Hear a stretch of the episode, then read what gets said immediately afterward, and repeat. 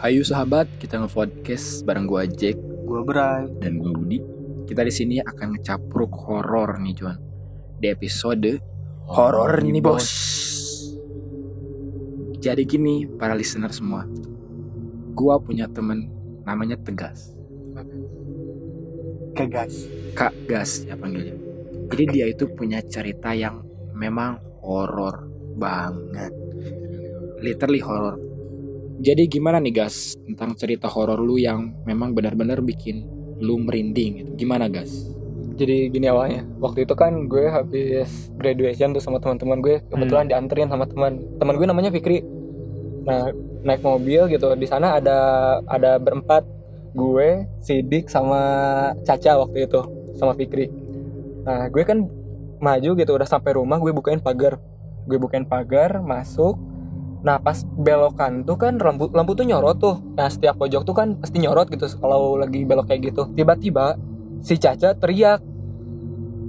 Teriaknya tuh astagfirullahalazim tanya. Semua kan pada panik, ada apa katanya. Nah, terus dari sana Fikri buka pintu. Nah, si Caca bilang, "Fikri, jangan buka pintu." Kenapa tuh? Nah? Mereka mereka belum tahu tuh ceritanya dari sana. Sebelum bu- gue buka pintu pagar, sebenarnya gue udah lihat gitu. Udah emang udah biasalah, udah lumrah gitu bagi gue.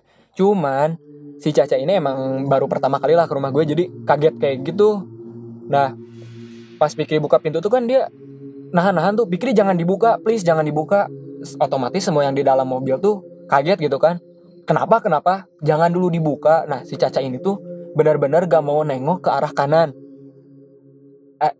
Emang emang jadi deg-degan tuh yang di dalam mobil dah. Bagi gue sih emang biasa aja gitu kan. Hal yang rumlah ya bagi lu. Ya, hal yang lumrah. Nah, tanpa banyak ngomong, Fikri langsung cabut buat balik. Nah, terus eh keesokan harinya, nah mereka tuh baru bilang ke gue, jadi kemarin tuh katanya si Caca resah di dalam mobil.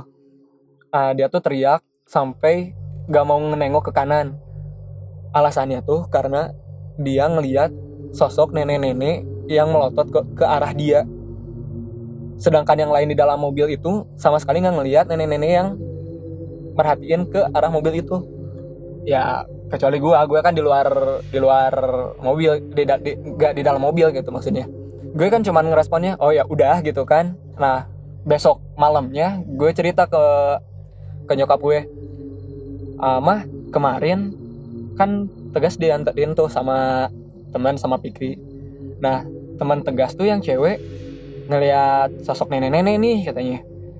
Nah, tolong tanyain dong ke ke si Om. Akhirnya diceritain kan semuanya dari awal sampai akhir. Terus langsung ditelepon ke Om gue. Gue ceritain semuanya dari awal sampai akhir. Semua kejadiannya ke mama gue. Ah, mama gue cerita ke Om. Kata Om gue tuh, "Oh, nenek-nenek yang itu ya?" Iya, kata gue tuh. Itu mah nenek-nenek yang emang biasa ngejain rumah kan? Iya. Emang siapa sih dia? Gue nanya gitu kan. Oh itu namanya eh ibu Inggit. Dia orang Belanda yang emang selalu ngejaga rumah.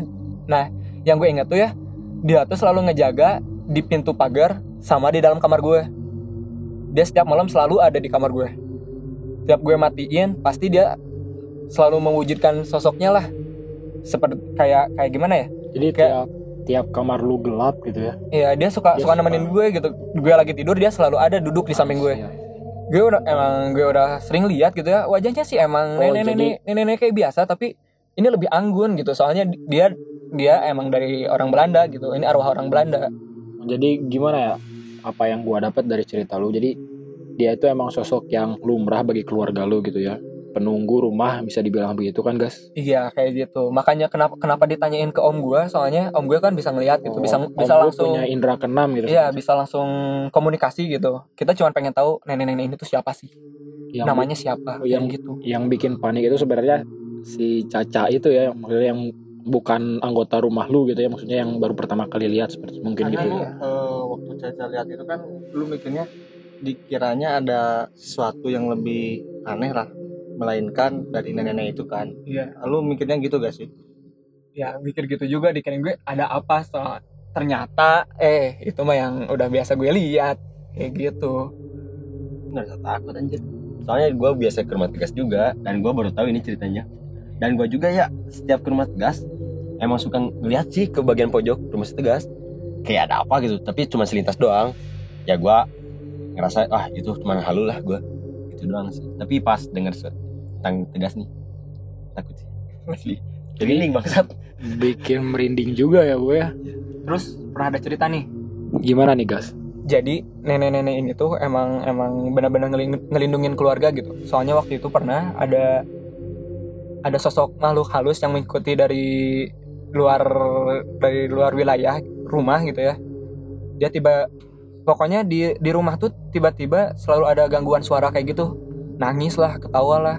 Yang emang emang bener-bener jelas gitu suaranya. yang membuat lau resah Nah, yang tiba-tiba membuat keluarga tuh resah ini tuh apa sih kayak gitu? Kok tumben-tumbenan ini ngeganggu gitu? Nah, usut punya usut ternyata ini tuh sosok lain yang bu- yang bu- yang biasanya bukan ada di rumah. Lalu Ua, u- a- bukan Ua apa ya? Om ya. Nah, om gua tuh eh, minta bantu ke nenek-nenek yang yang tanda kutip dia gaib itu ya. Minta bantu tolong diusir katanya dengan baik-baik dari sana eh, setelah u- apa om gue ngomong kayak gitu sa- eh, pas hari itu juga suara itu langsung nggak ada lagi di rumah gue sampai sekarang Jadi gimana ya kalau menurut gua nih? Kalau personally gua pribadi emang di setiap rumah itu ada penunggunya dan juga maksudnya eh, melindungi maksud bukan melindungi maksudnya gimana ya? Tidak mengganggu ke kita juga. Ke yang ada di rumah bener Wood menurut ka- kata gue juga. Jadi di rumah juga gua di rumah gua juga ada. Cuman ya gak ada yang bisa komunikasi tapi ya selewat adalah oh ini ada apa nih gitu selewat kelihatan ada. Cuman- biasa. iya kalau kan. kalau yang di rumah kita sendiri kan ya kita juga biasa kan ya lu juga biasa kan Wood Bray? Iya. Tapi ya yang bikin panik tuh kalau ngelihat yang ada di rumah orang karena kita gak tahu tapi kalau menurut lu ini cerita ini gimana Bray? Ya menurut gua serem lah. Dia kan tiba-tiba ada kan. Ya dia di dalam cerita itu kan ada di mobil lah. Gua kaget ngapain sih Caca?